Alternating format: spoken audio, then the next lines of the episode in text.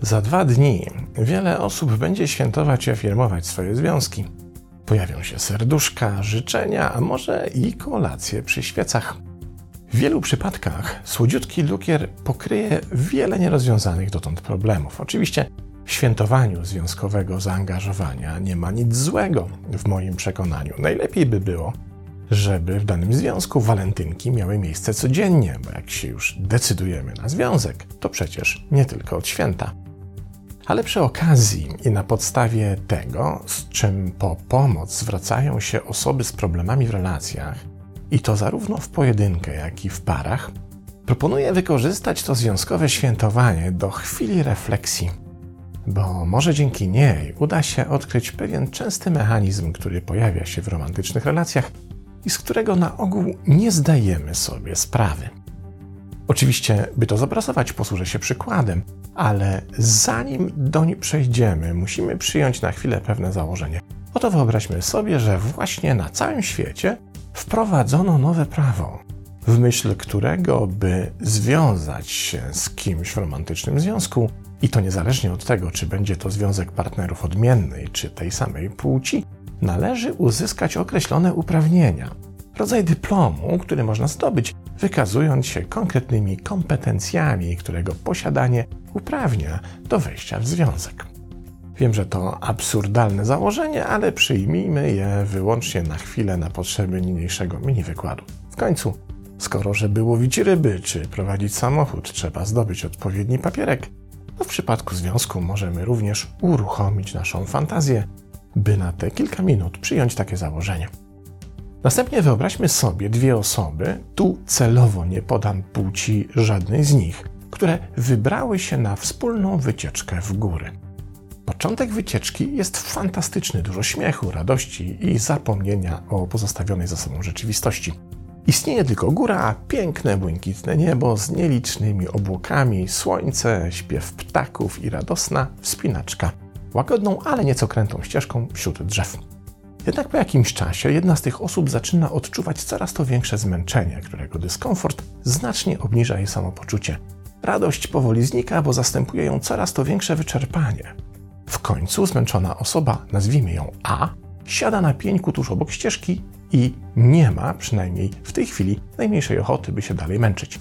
Osoba B zatrzymuje się na ten widok i rozkładając ze zdziwienia ręce mówi: No co z tobą? Przecież mieliśmy iść na wycieczkę. Teraz osoba A nie wytrzymuje i wybucha. Dobrze ci się mówi, ale to ja niosę plecak z tym cholernie ciężkim aparatem fotograficznym. Teraz żałuję, że tu jestem. To wszystko twoja wina. Ciekawe, jak teraz wybrniesz z tej sytuacji. Na to odpowiada osoba B. Trudno się było spodziewać, że tak szybko wymiękniesz. Nie ma to jak mieć pełną gębę frazesów i zapewnień o swojej kondycji, a potem okazać się taką fają. Ja też mam plecak z twoimi prowiantami. Nie dość, że muszę dźwigać te ciężary, to jeszcze wąchać jak cuchną. Teraz osoba A zaczyna wrzeszczeć. Cuchną to fajki i przekurzone zasłony twojej matki. Moja matka, odwrzaskuje osoba B. Przynajmniej nie wstrzykuje se w gębę botoksu, po którym już wygląda jakby mogła ocysać ciepłą stal w Nowej Hucie. Trzeba było mnie od razu uprzedzić. Tu A przechodzi już do wściekłości, że jesteście ze wsi. To dlatego skaczesz po tych Himalajach jak kozica. No dobrze. Zostawmy już tę parę amatorów gór samym sobie. Może jak się wywrzeszczą, to im przejdzie. My tymczasem spróbujmy odpowiedzieć sobie na dwa pytania. Po pierwsze, czy ta para uzyskałaby nasz zmyślony dyplom uprawniający do tworzenia romantycznego związku? I drugie pytanie, na czym tak naprawdę polega ich zachowanie i gdzie tkwią jego źródła? O ile odpowiedź na pierwsze pytanie jest brutalnie krótka i brzmi nie, o tyle już odpowiedź na drugie pytanie musi być nieco bardziej obszerna. Żeby zaś jej udzielić, przyjrzyjmy się tej górskiej sytuacji raz jeszcze i zastanówmy, co jest głównym mianownikiem tej zażartej wymiany zdań. Otóż jest nim wsparcie, a dokładnie mówiąc, dwa procesy z nim związane. Pierwszy to poszukiwanie wsparcia, zaś drugi proces to jego oferowanie. Bo przecież zmęczona osoba A oczekuje wsparcia od osoby B, Tyle, że nie potrafi się do tego przyznać ani w odpowiedni sposób o nie poprosić. Osoba B zaś została postawiona przed koniecznością udzielenia wsparcia, ale nie potrafi lub nie chce go udzielić w prawidłowy sposób. W efekcie obydwie osoby uruchomiły wyłącznie mechanizmy obronne: przerzucanie winy, odpychanie odpowiedzialności, przekierowanie uwagi itd., tak i byłoby tego jeszcze sporo. Zaś to, w jaki sposób w naszych związkach poszukujemy wsparcia w razie potrzeby i również w razie potrzeby takie wsparcie oferujemy, jest mierzalnym efektem czegoś, co niektórzy badacze nazywają inteligencją relacyjną, zaś inni kompetencją romantyczną. Ta zaś, według doktora Davida Ludena, profesora psychologii z Georgia Gwinnett College i autora takich książek jak Psychologia języka czy Historia nowoczesnej psychologii, składa się z trzech kluczowych umiejętności. Pierwszą jest wgląd, czyli zdolność do przewidywania wpływu własnych zachowań na jakość związku oraz zdolność do refleksji nad wspólnymi przeżyciami. Druga to wzajemność, czyli rodzaj zrozumienia, że relacje dotyczą wzajemnego zaspokajania potrzeb i że każde z partnerów może mieć inne, ale równie ważne potrzeby. Trzecią jest zdolność do regulacji emocji, złożona zarówno z emocjonalnej świadomości, jak i umiejętności zarządzania emocjami. Te zaś trzy umiejętności, gdyby oczywiście istniał nasz zmyślony dyplom związkowy, byłyby określeniem trzech końcowych egzaminów, których zaliczenie byłoby niezbędne do otrzymania tego dyplomu.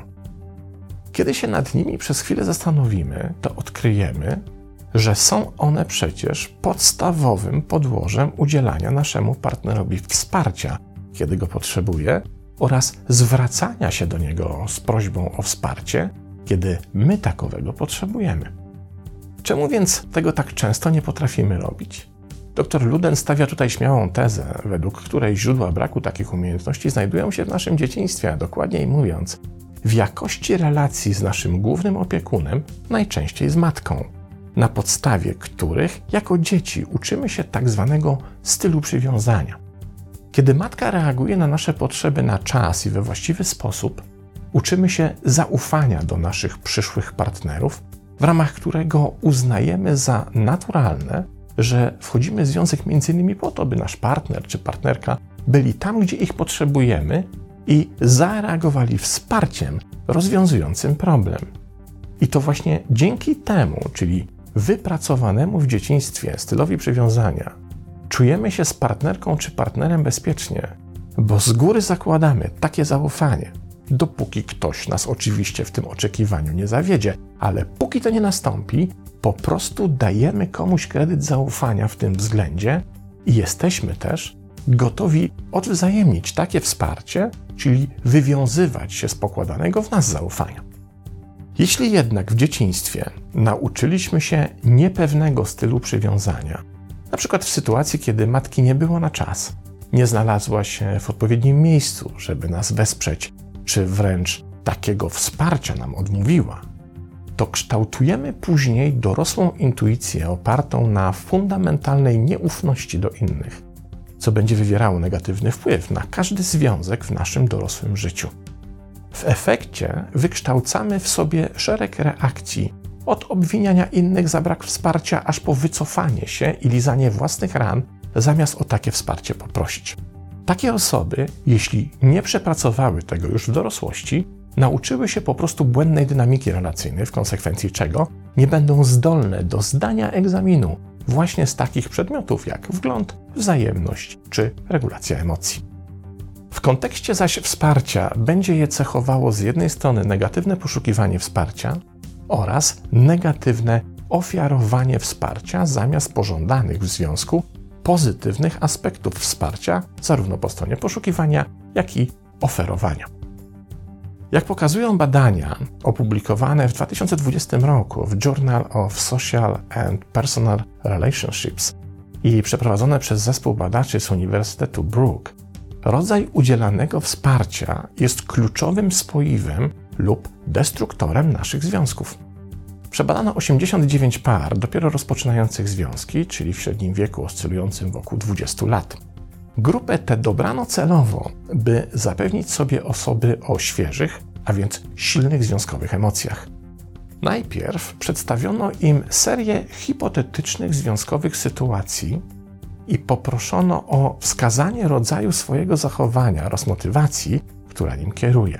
Na tej podstawie ustalono poziom kompetencji romantycznych dla każdego z partnerów w parze. Następnie zaaranżowano w każdej z par dwie rozmowy. W każdej z nich jeden z partnerów miał się zwrócić o wsparcie w dokonaniu jakiejś ważnej zmiany po swojej stronie, a drugi zdecydować, w jaki sposób takiego wsparcia może udzielić. Całość rozmów zaś rejestrowano i następnie poddano ocenie zespołowi specjalistów. Okazało się, że w rozmawiających parach pojawiły się dwa mechanizmy poszukiwania wsparcia pozytywny i negatywny oraz dwa mechanizmy oferowania wsparcia również pozytywny i negatywny. W pozytywnym poszukiwaniu wsparcia pojawiło się proszenie o pomoc z odpowiednim szacunkiem, z wyrażaniem pozytywnych uczuć i równie pozytywnym odpowiadaniem na sugestie czy pytania. W negatywnym poszukiwaniu wsparcia obecne było narzekanie i marudzenie, życzeniowość, żądanie pomocy oraz mechanizmy obronne. W pozytywnym oferowaniu wsparcia miało miejsce potwierdzanie uczuć, zachęcanie do dyskusji, przedstawianie konkretnych sugestii, czy też dbanie o fizyczny komfort drugiej strony. Zaś w negatywnym oferowaniu wsparcia pojawiało się obwinianie, krytykowanie, brak zaangażowania czy zmiana tematu na siebie. Wynik zaś całości badań pokazał niebudzącą wątpliwości zależność.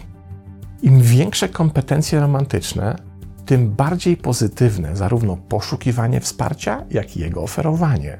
Im zaś bardziej pozytywne wsparcie, zarówno po stronie poszukiwania, jak i oferowania, tym bardziej szczęśliwy, spełniony i rokujący nadzieję na przyszłość związek. Czy to czasem nie skłania nas do refleksji i odpowiedzenia sobie na pytanie, w jaki sposób w naszym związku ostatnio poszukiwaliśmy wsparcia i jaką ofertą reagowaliśmy, kiedy takiego wsparcia poszukiwała nasza partnerka czy partner?